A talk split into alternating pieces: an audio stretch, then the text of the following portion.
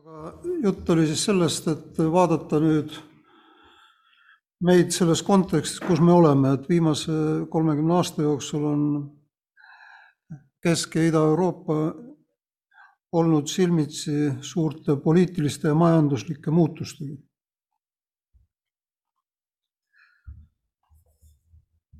et see, see omakorda on avaldanud mõju miljonitele inimestele, miljonitele perekondadele ja nende toimetulekule.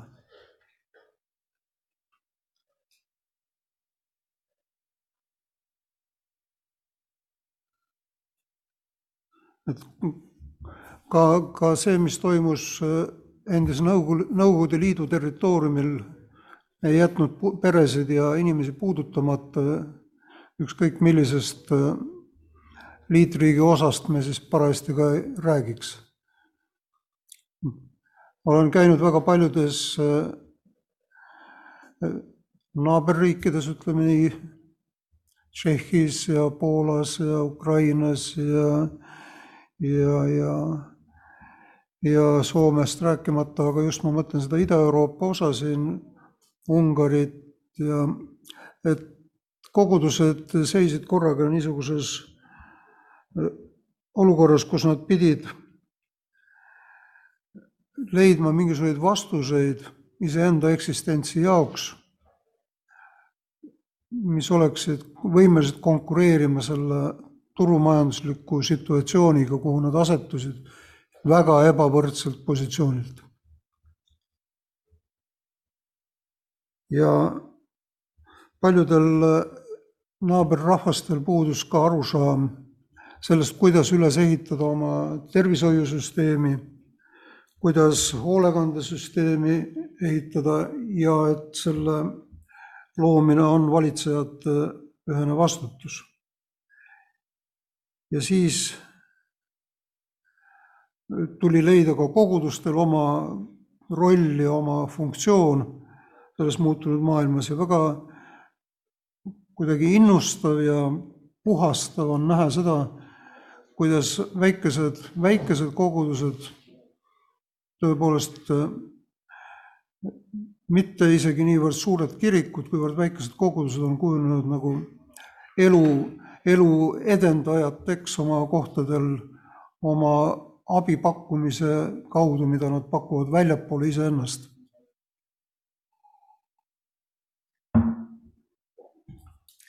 et ei ole ju mingi kunst teha head oma lähedastele iseendale. Seda teevad ju paganadki, nagu piiblis kirjutatakse, aga just nimelt, kuidas suunata kõik oma energia ja palveenergia ja tegude kogum väljapoole. paljud sellised enesestmõistetavad arusaamad, mis olid kolmkümmend aastat tagasi näiteks tööst ja igapäevaelust, on oluliselt muutunud. Inimesed ei tööta enam kakskümmend viis aastat ühes õmblustsehhis või tehases ja ei lähe sealt pensionile, kus nad õpilastena alustaksid, alustasid vaid teevad lühiajalisi selliseid töövõtte, seda võib nimetada ka tööampsudeks. ja see on muutnud kollektiive, noh, paljud on lagunenud, aga teisalt on juurde tulnud ka uusi kasvavaid kogudusi. aga selle kõrval, et on tulnud uusi kasvavaid kogudusi, on tulnud esile ka uusi spiritualiteete või uususundeid ja kui me mõtleme nüüd siin peal veel rände peale, mis on nagu ka ilma sõjata olnud oluline muutja Euroopas, siis, siis sisserändajad toovad kaasa oma kombed ja oma usu. Aga ma räägin seda vaid selleks, et rõhutada, kuivõrd oluline on oma kristliku identiteedi hoidmine ja oma usu säilitamine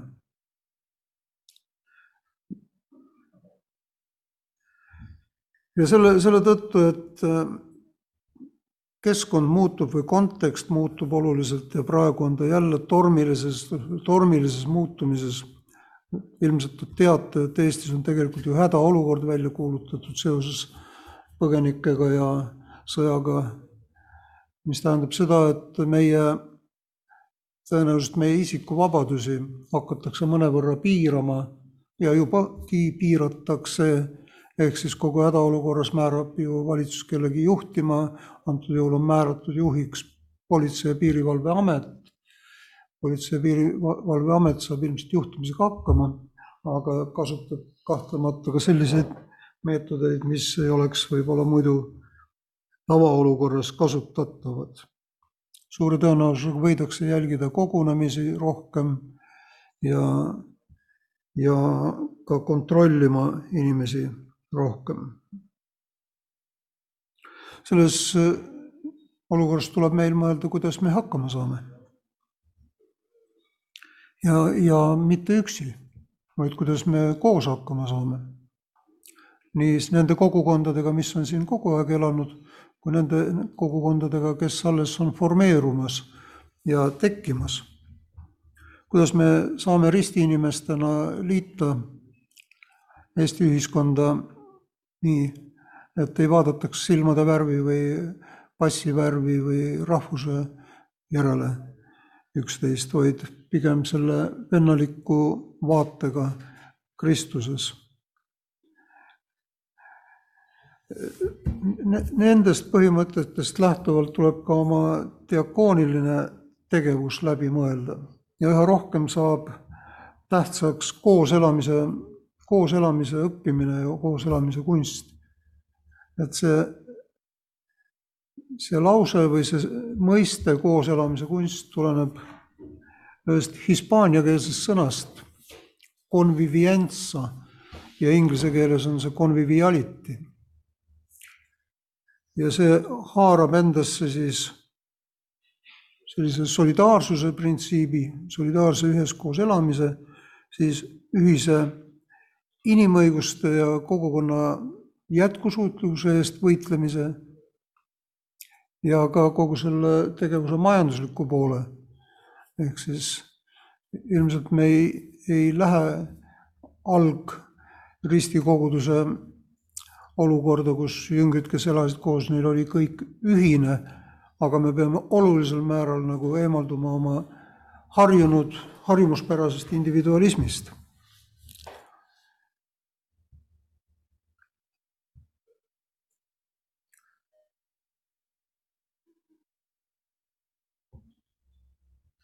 see, see tähendab siis, et äh, ühiselu otsides, äh, konviviaalset ühiselu otsides tuleb toetada kogukondade kooselu, vastu seista nagu igasugustele vastandumistele ja killustumisele.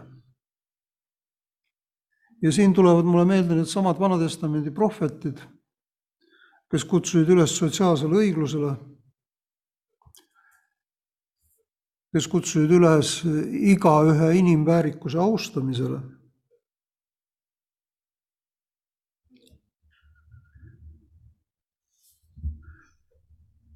ja väga oluline on mõista, et sellisel, sellisel foonil, noh, nagu ma kirjeldan seda Euroopa konteksti, kaasa arvatud Ida-Euroopa ja kaasa arvatud Eesti kontekst,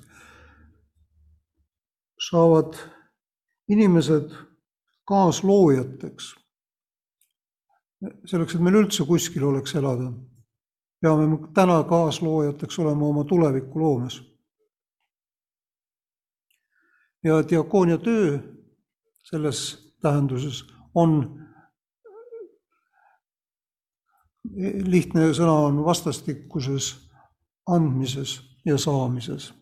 ehk siis, et me pea, ei peaks mõtlema nende peale, keda me aitame, et nemad on vastuvõtjad ja meie oleme andjad vaid me peame aru saama hakkama sellest, kui palju on neil meile anda, kellega me töötame.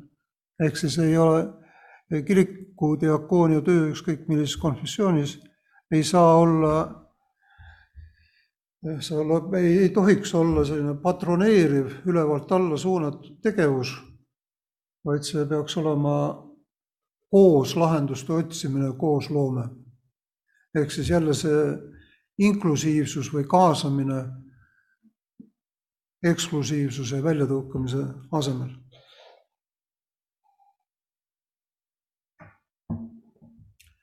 me tegime,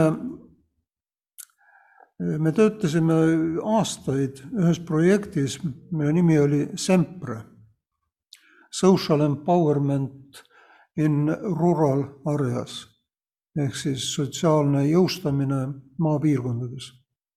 ja see, see oli väga huvitav projekt, seda juhtis Saksamaa Schleswig-Holsteini diakoonia ja tõtt-öelda ma ei mäletagi, kas meid oli seitse või kaheksa maad.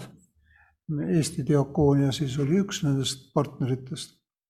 ja me püüdsime selle käigus ise õppida, kuidas on võimalik elu oma ringkonnas, oma piirkonnas, oma naabruskonnas millegi poolest paremaks teha.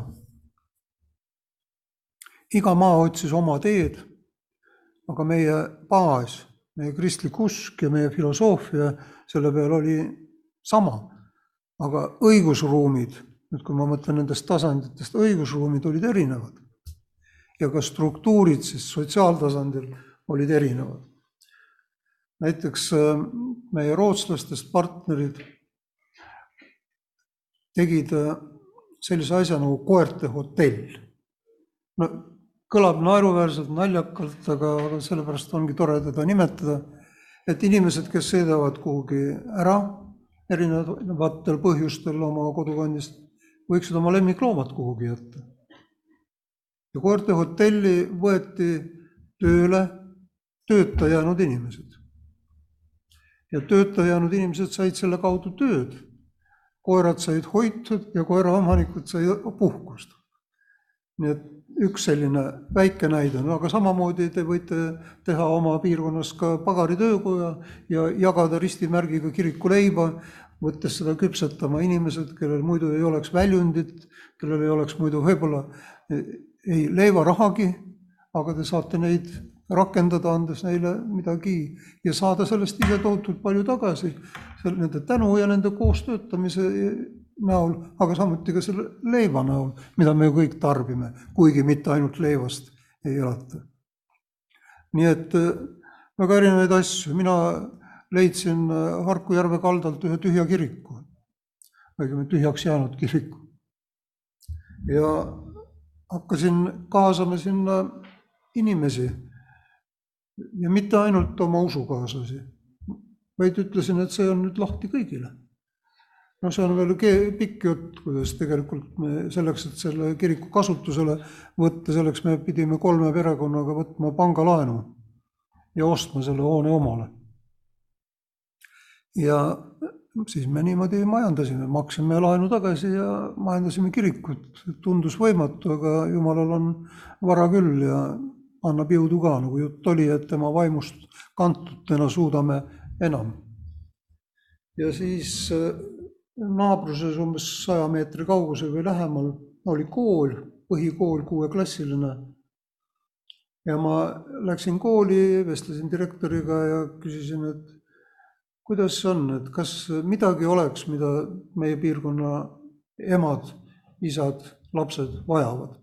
mida saab selle teie jaoks või nende jaoks teha. eks ta mind vaatas natuke kummaliselt. Aga ma palusin, et ta küsiks seda nende käest. ja teate, meil on ju olemas selline asi nagu e-kool. ehk siis minul ei ole kohalike inimeste aadresse ega meiliaadresse ega nende nimesid, koolil on. ja koolist saadeti neile siis välja kiri, kus ma küsisin Jeesuse õpetuse järgi, mida sa tahad, et ma sulle teeksin et mida, mis on kõige põletavamad vajadused selles piirkonnas ja nad ütlesid, et meil on, vallas on kool ja vallas on lasteaiad, aga pole lastesõime. ehk siis vaja on lapsehoidu kuni kolmeaastastele lastele. no see on suurepärane. ja me tegime selle lapsehoiu ja see töötas viis aastat. siis ehitas vald uue, uue lapse, laste sõime ja meie järgi vajadust enam ei olnud aga selle viie aastaga me saime tuttavaks väga paljude inimestega ümberkaudu, nende emadega, kes käisid iga päev oma lapsi kirikust toomas. mida küsisime, et mida emad tahaksid, et me neile teeme veel. ja emad ütlesid, et meil pole kuskil väljas käia. et eh, tahaks nagu tantsu, tantsida. ja siis me tegime mustlastantsu kooli ja mustlastantsuringi. ja need tantsivad tänase päevani mul kirikus. Tõsi küll, Sokli korrusel selleks välja ehitatud päevakeskuse ruumides. nii et alati on võimalik tulla mingite uute, uuendavate asjadega välja, et jumala sõna ei pea kuulutama ainuüksi sõnaliselt, nagu ma ka varem ütlesin, vaid erinevatele vajadustele vastamisega, mis sinu kogukonnas või sinu naabruskonnas parajasti on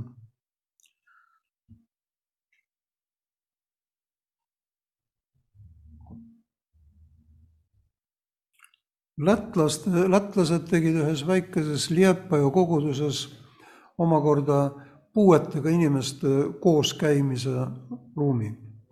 ehk siis nad hakkasid tegelema puuetega inimestega, kes said tulla mingitel kindlatel päevadel kirikusse ja nad hakkasid seal meisterdama. ja nad hakkasid tootma mingeid asju, mida pärast oli võimalik ka müüa. ja sellest omakorda tuli sissetulek sellele väikesele Liepaja kogudusele, mille eest nad said omakorda jälle nendele inimestele osta vajalikke ravimeid ja toitu. nii et need on sellised praktilised ja just nimelt konteksti ja keskkonda arvestavad näited. saksalased ise tegid äh, igatahes üksikemadele, nende projekti suund oli üksikemadele suunatud nõustamine, abi ja ja läbikäimine. ja see, ma tean, et see ei lõppenud projekti lõpuga, vaid see läbikäimine jätkub ka siiamaani. et see on siis nagu selle uueneva diakoonia, millest ma ka lubasin ju rääkida, nähtav reaalsus või vormi, vormid, mida võib võtta uuenev diakoon, diakoonia erinevates kohtades. muide, tänasel päeval meie lapsehoid, nagu ma ütlesin, lõpetas viie aasta pärast, aga selle asemel, et äh, ruume kinni panna, hakkasime me läbi rääkima Sotsiaalkindlustusametiga selles osas, et ei olnud piisavalt inimesi, kes oleksid tegelenud puuetega laste ja noortega. ja siis me ütlesime, et me koolitame siis neid inimesi ja me koolitasime omale puuetega lastega töötavad tugiisikud ja lapsehoidjad ja samas ruumis nüüd on juba ka umbes kuus aastat võib-olla puuetega laste ja noorte hoid. see on intervallhoid, lapsi tuuakse mõnikord kolmeks päevaks, mõnikord kaheks, mõnikord nädalaks, siis nädala me teeme küll laagreid väljaspool ja emad, reeglina on need emad, aga vahel ka isad saavad puhata. sest kui ta on kakskümmend neli tundi ja seitse päeva nädalas oma puudega viieteistaastase lapse hoidja, kes võib olla temast juba kaaluda rohkem ja olla ka vägivaldne, siis ta on väsinud. aidata väsinud inimest, tuua inimene väsimusest välja, väga selgelt kristlik tegevus nii et kõiksuguseid selliseid toredaid asju saab teha. Ah jah, ja samas ruumis oli siis ka siin hiljaaegu mul ööbis kaheksa, kaheksa inimest, kes olid tulnud oma kahe väikese autoga Ukrainast. ja said seal peavarju niikaua, kuni me suutsime nad edasi anda siis riiklikule hoolekandesüsteemile ja nad said edasi majutatud hotelli. aga nad tulevad sealt ju ka välja ja siis tuleb kõikidel kogudustel olla valmis selleks et võib-olla on sinu ukse taga ükskord üks perekond, kellele sa saad peavarju anda. Jälle ma ütlen, see on kristlik evangeelium tegude keeles.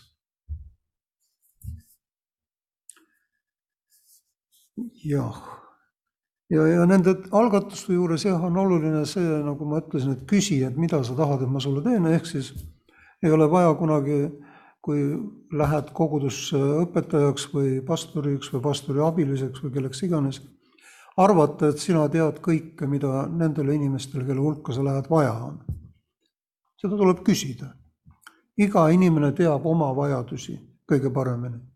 inimene on oma elu arhitekt ja asjatundja ja meie saame ainult pakkuda talle abi kätt, ehitusmaterjali selle elu ehitamise jaoks ja olla tema kõrval. kõige lihtsamas mõttes ongi diakoonia hooliv kõrval käimine, kaasa käimine, kuigi rohkem räägitakse seda hingehoiu kohta. aga diakoonia, kuna ta on, nagu siin keegi alguses hommikul mainis, holistiline, kõikidele aspektidele suunatud, siis diakoonia üks koostisosa on ka loomulikult hingehoid, inimese emotsionaalsetele ja ka usulistele vajadustele tähelepanu pööramine. Ja suur soov ja igatsus on selle järgi, et Euroopa kirikud on ka praeguse kriisi juures, aga ka eelneva ja järgneva majanduskriisi juures, mis kahtlemata saabub, võimelised abistama inimesi, kes nende kriiside kätte jäävad. ehk siis äh, suure tõenäosusega peaks taolistes õppeasutustes nagu see siin ja, ja ka meie luterliku kiriku usuteaduse instituut ja ka ortodoksidele kuuluv seminar pöörama oluliselt rohkem tähelepanu sotsiaalfunktsioonidele, sotsiaaltööle, inimese aitamisele ja samuti ka igasugusele kriisiabile ja kriisitööle. me saame seda teha koos. sellepärast ma siin olengi nii lihtne see on me saame seda teha koos, koos me oleme tugevamad, koos me saame vastata rohkemate inimeste vajadustele. me peaksime jagama oma seda, mis meil on, me peame jagama seda, mis meil on kõrvade vahel, seda, mis meil on südames ja ka seda, mis meil on kas oma käekotis või seljakotis. aeg-ajalt on vaja tarkust, aeg-ajalt armastust, aeg-ajalt leiba. aga inimese märkamist on küll alati vaja nii et sellised, sellised mõtted. kas tahab keegi peegeldada mulle?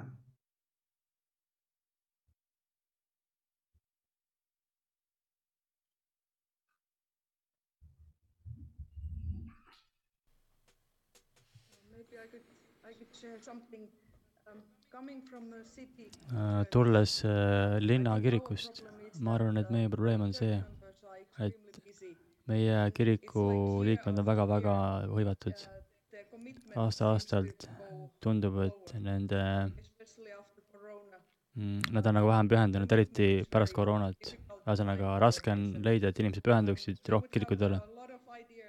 meil on palju ideid, kuidas teha diakooniat või selles valdkonnas midagi, aga lihtsalt leida inimressurssi selleks ja muid ressursse on osutunud keeruliseks nii et tõepoolest, nagu te ütlesite, et me peame töötama erinevate kirikute vahel, nagu te ütlesite ka, ja tegema koostööd teiste kirikutega. Thank you, kas ma peaksin seda tõlkima või ei? Trans-, pervadid, nina slaavu. jah, aga inim, inimressursside vähesuse teema ei ole mingi uus teema ju. lõikajaid on vähe, ütlesin ma enne ka, et lõikust on palju, tööd on palju, aga töötegijaid on vähe. Neid tuleb kasvatada. Neid tuleb koolitada. ja kui, kui nüüd nagu Soome kiriku inimene ütleb, et tal on, neil on vähe nagu pühendunud inimesi, aga ometi on nende kristlaste hulk kogu riigis nii arvuliselt kui protsentuaalselt oluliselt suurem kui Eestis. mida meie peaksime ütlema, aga mina ütlen, et teeme rohkem tööd. teeme rohkem tööd ja küsime, millega me saame kasulikud olla ja kes saab aidata ja kes annab raha ja kes annab leiba ja kes, kes annab haiglakoha või kõik on võimalik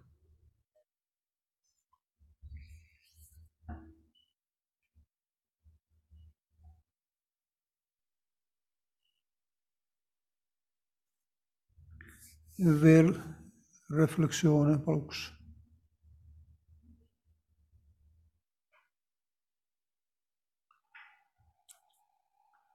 ei taha te mind üldse aidata?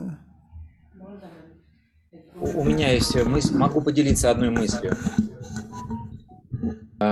У меня такая мысль, что э, вот только что говорилось о христианах, которые, ну, назовем их теплыми, теплыми или хо- холодными, пускай бы теплые, с которыми очень сложно работать, то есть они ничего не хотят. Другими словами, когда в Окей. сердце человека... et äh, kui inimese südames on üks, nagu mm, ükskõiksus, siis on väga raske paluda, et ta oleks hingehoidja, et ta hooliks kellegist. on inimesi, kes ei taha äh, mm, hoolt kanda oma lähedaste eest oma peres, et mis sa, mis nad siis saavad teha äh, näiteks selle, selle maailma jaoks. et sellised äh, leiged kristlased ja teine asi, mis ma, mis ma märkan, mis on reaalsus, on olemas inimesi, kes tahavad, kas tahavad osaleda äh, organiseeritud teenistuses. näiteks Soomest praegu meie õde rääkis, et täna inimesed, nad ei taha midagi teha ja nad on hästi, et teil on liiga palju asju teha. Ja tõepoolest inimese aju on täidetud igasuguste asjadega tänapäeval.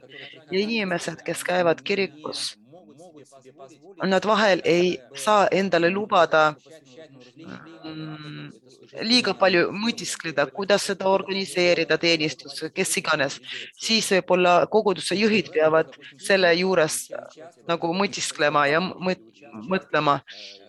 inimene on valmis vahel tulla ja olla osa ühest teenistusest, aga tal ei ole aega selleks, et äh, mõelda, kuidas midagi luua ja midagi teha. Ja et inimesel lihtsalt ei ole võimalust hoida meeles kõiki neid asju. Ja mina ise äh, meeldib korraldada midagi ja ma, ma pöörasin tähelepanu, et meil oli üks äh, selline asjaolu, et kui oli üks õde, ta ei, ei osalenud ennem enam äh, ülistustiimis, et vahel ma, ma viin ülistust läbi kirikus. Ja mul oli üks õde ja ma väga viisakalt äh, pakkusin talle ja ütlesin, kuule, aga lihtsalt tule, tule ülistuse, ülistusse, et ma saatsin kõik sõnad, kõik tegin ja üllatuseks ta, ta ütles jah, et ma ei räägi, et me peame nagu inimeste eh, järgi jooksma. Aga see õde vastas mulle ja pärast ta tänas mind, ta ütles, et suur tänu, et ma sain osaleda ülistuses, et tal oli väga tänulik süda, aga teistes koht, kohtades ta ei osale ja vahel sa tuled ja sa ei tea mm, okei okay. ja siis pärast noorteteenistusega ka, ka ma tegelesin.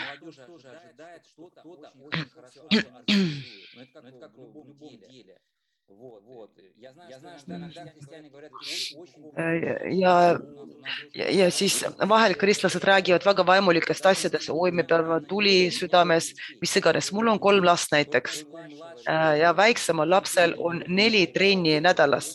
Aga noh, teistel on ka veel neli, mina töötan, mu naine töötab, me oleme juhid meie töökohtades. ja, ja miks ma istun, et si ma vahel äh, praegu, kui ma isegi õpin, käin vahel äh, viimas lapsi treenidele ja ma ütlen nii, et, et peab lihtsalt organiseerima oma elu, et on inimesed, kes armasta, kes ei armasta Jumalat, neil on, nad ei viitsi isegi kirikusse tulla. Ja siis muidugi nad ei taha kannatada ja midagi teha, see on arusaadav, aga on olemas ka teised, keda peab organiseerima. Nagu teie ütlesite, te läksite tegite midagi ja naised ütlesid, me tahame seda ja seda teha ja te hakkasite tegema, te hakkasite organiseerima ja inimesed tulid, tulid need abili, abilised ja ma arvan, selles me peame arenema me peame organiseerima teenistust niiviisi, et inimesed, teenijad. aitäh. et ma, ma arvan, et üks oluline lühikene kokkuvõte sellest sõnavõtust on organisatsiooniline külg ehk asjade organiseerimine, töö organiseerimine, tegevuste organiseerimine. kas teil on selleks annet, on see küsimus. et kui, kui selleks on annet, siis on nagu väga oluline lõik kaetud ja sellel saab olema edu. kui selleks ei ole annet, siis tuleb kaasata inimene, kellel selleks on annet. ja julgelt delegeerida, julgelt anda enda käest asju ära, eriti neid asju, mida teine inimene suudab paremini. mina näiteks olen kehv õpetaja, ma harva käin kusagil õpetamas, mulle ei meeldi üldse lugeda loenguid ja, aga mulle meeldib midagi teha. aga lihtsalt ma sain aru, et mul on, minu vaade diakooniale on selline, mida ma pean tooma siia ja sellepärast, sellepärast ma siin olen. kui, kui see kedagi puudutab ja nakatab ja tema oma andega suudab teoks teha niisugust avatud teenimist, siis see on suurepärane. aga nüüd oli sinu kord vist, jah? ei, mõtletud tegelikult, et eh, kuidas koolitada neid välja, kes siis nagu, kes siis eh, ootavad, et tahaks küll teha, aga nad ei taha vastutust võtta, et seda on nii palju tegelikult koguduse inimesed, ütlevad, jaa, et võiksime küll teha, aga ma ei tee, aga sina tee. Ja siis ongi, et minu arust ongi see nagu justkui liidrite ja juhtide ülekoormus tegelikult, et on üks teatud grupp inimesi, kes peavad kõik tegema, kõike koolitama, kõike tegema ja siis teised lihtsalt tahavad, ma tahan ka, oh, nii tore oleks, kui koguduses oleks see, see, see, kolmas, neljas asi, aga see on lihtsalt lisakoormus teistele. ja ma mõtlengi, et kuidas siis nagu inimestele tekitada seda igatsust teenida. et sellest tegelikult noh, et kui vaadata pühapäevast ka kõik jutlused käivadki, teenistus ongi see, et me teeniksime, jumala sõna ongi see, et me teenime, teeksime välja. Aga et see, et kuidas jõuda inimestele tuleks nagu reaalselt kohale, et see on hoopis omaette nagu väljakutse et eh, sest igal inimesel on oma and ja talent ja kus sa saaks teenida ja kõik saaksid eh, teha nii-öelda diaakoni tööd või nii, et eh, abistada inimesi kõikides valdkondades. aga nad ei taha lihtsalt seda vastutust võtta, et midagi ei lähe untsu umbes justkui, et siis, et mina ei oleks süüdi. lihtne nüüd umbes juhtide peale, et pastor, sina tegid, ei osanud seda piisavalt teha või sa ei oska siis seda või kolmandat umbes, et aga oma peale nagu vastutust, see on nagu kõige raskem. ja ma arvan ka sellepärast ju jumal, jah, piiblis on ka kirjutatud täpselt see, et lõikust on palju, aga töötegijad vähe, sest paljud ei tahagi seda vastutust võtta, sellepärast on ka see tööjõud justkui puudus. Need on vähesed, kes on siis nõus võtma nii-öelda seda risti, et kanda, et okei okay,, et kui ei lähe kuntsu, siis ma, siis ma vastutan. Aitäh, et teine oluline sõna, eks ole, kui eelmine sõna oli organiseerimisvõimekus, siis sina tõid välja vastutuse võtmise see on ju julgus. ma, ma julgen seda teha. ja kui sellega liitub organiseerimisvõimekus, siis on saavutused ka tulemas. aga tõsi ta on, et äh, paljude ülesannete kuhjumine ühe juhi peale murrab tema selgroo varem või hiljem ikkagi ära küll. et see on see idamaine tarkuse sõna, et viimane koormale lisatud sulg murdis kaameli selgroo nii et see, seda juhtub ja, ja muuseas mitte ainult kirikus, vaid Eestis on väga palju propageeritud ja ma kavatsen seda ka järgmine kord teha, kodanikuühiskonda kui sellist. Kodanikuühiskond koosneb kodanikest ja nendest inimestest, kes tahavad ühiskonnas midagi ära teha ja nad teevad selleks siis neid struktuure, MTÜ-sid näiteks, valitsusväliseid organisatsioone või muid. ja tehti ka üks uuring, et milline on siis nagu nende kodanikuühiskonna organisatsioonide suurim pro probleem. see on paar aastat tagasi juba, mitte täna tehtud, aga see tuli tõepoolest välja, et see ongi juhtide väsimine. Ehk siis need MTÜ-d on kõik, kõik suhteliselt väikesed ja tavaliselt nagu baseeruvad ühe konkreetse eestvedaja peal. ja siis inimene väsib ära. aga siin on ka muidugi see oht, et sageli need juhid ei taha anda ära enda käest asju et siis see oleks võib-olla see kolmas sõna organiseerimise vastutuse kõrval on ka usaldus. ehk siis kogu sotsiaalse kapitali tekkimiseks on vajalik usaldus. selleks, et organisatsioon või kogudus funktsioneeriks kauem ja paremini, peab juht usaldama oma inimesi. nii nagu üks, üks lugu räägib sellest, et kui Jeesus ära taevasse läks, ärge seda väga sõna-sõnalt võtke, aga aga siis Peetrus tuli talle paradiisi ukse peal vastu ja, ja küsis, et noh, kuidas sul nüüd läks? kuidas sul nüüd läks see sinu missioon? No kuule, see ei ole minu missioon, see oli sinu missioon. ma andsin sinu peale, Peetrus, ja sinu sõprade peale selle ülesande ja ma usun, et läks hästi. sest ma usaldan teid. nii et Jeesus delegeeris palju asju oma jüngritele, kui te vaatate, millised ülesanded nad said ja kuidas minna matkale, kuidas minna välja kuulutama kahekaupa ja nii edasi. ja ta, tal ei olnud kahtlustki, et need inimesed, kes olid teda korduvalt reetnud, maha salanud, ära jooksnud, saavutavad selle, et Jumala riik on inimeste keskel. nii et usaldus ja delegeerimine siis lisaks organisatsioonile ja vastutusele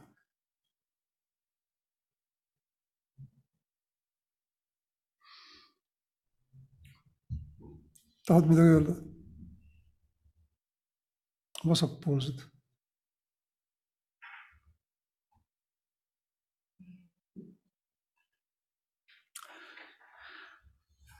nii.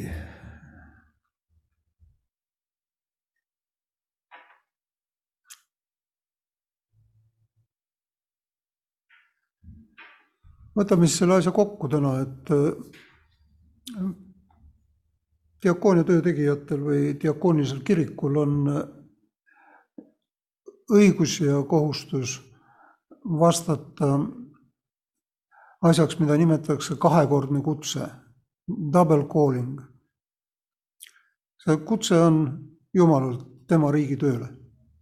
aga see kutse on ka vähemate võimetega ja võimalustega inimeste poolt kaasa arvatud marginaalide poolt ära lükatute ja, ja unustusse jäänud inimeste poolt. Nende poolt, kelle häält alati võimulolijad tähele ei pane või ei kuule. Et sedasi oleme me siis kutsutud teenima Jumalat ja oma ligimest ja sageli on see üks ja seesama asi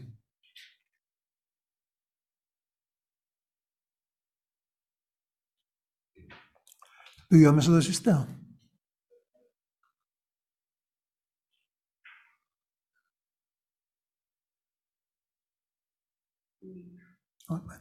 tänan.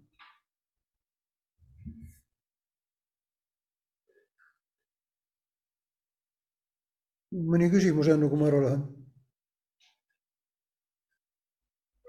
ma siis küsiks midagi teie enda kohta, et just nagu kuidas te selle kutsumuse saite, et lahkunud tööd teha ja et kuidas teil see nagu pihta? no on raske, raske seda öelda, ma lihtsalt ei ole kunagi suutnud lahutada oma usku sellest, mida ma teen. ja kui ma ei tee seda, millesse ma usun, siis ma tunnen ennast väga halvasti. noh, mulle, ma ei taha ennast halvasti tunda. aga alguse sai, mina hakkasin vanglatöö vabatahtlikuna tegutsema. ja olen seda siiamaani teinud ja külastan juba üle, juba natuke peale kolmekümne aasta Eesti vanglaid ja teen seda regulaarselt Tartu vanglas ja Tallinna vanglas. Jõhvis olen muidugi ka käinud korduvalt, aga, aga mitte regulaarselt, vaid siis, kui kutse, kutse tuleb.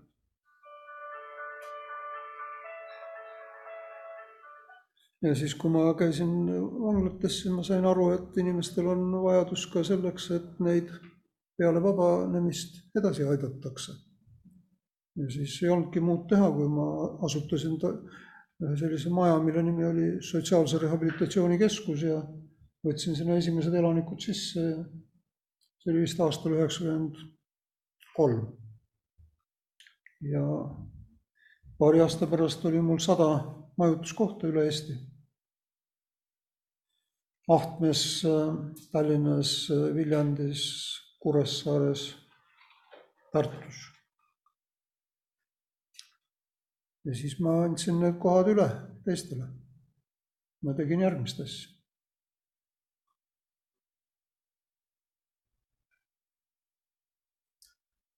nii et selline vastus siis täna.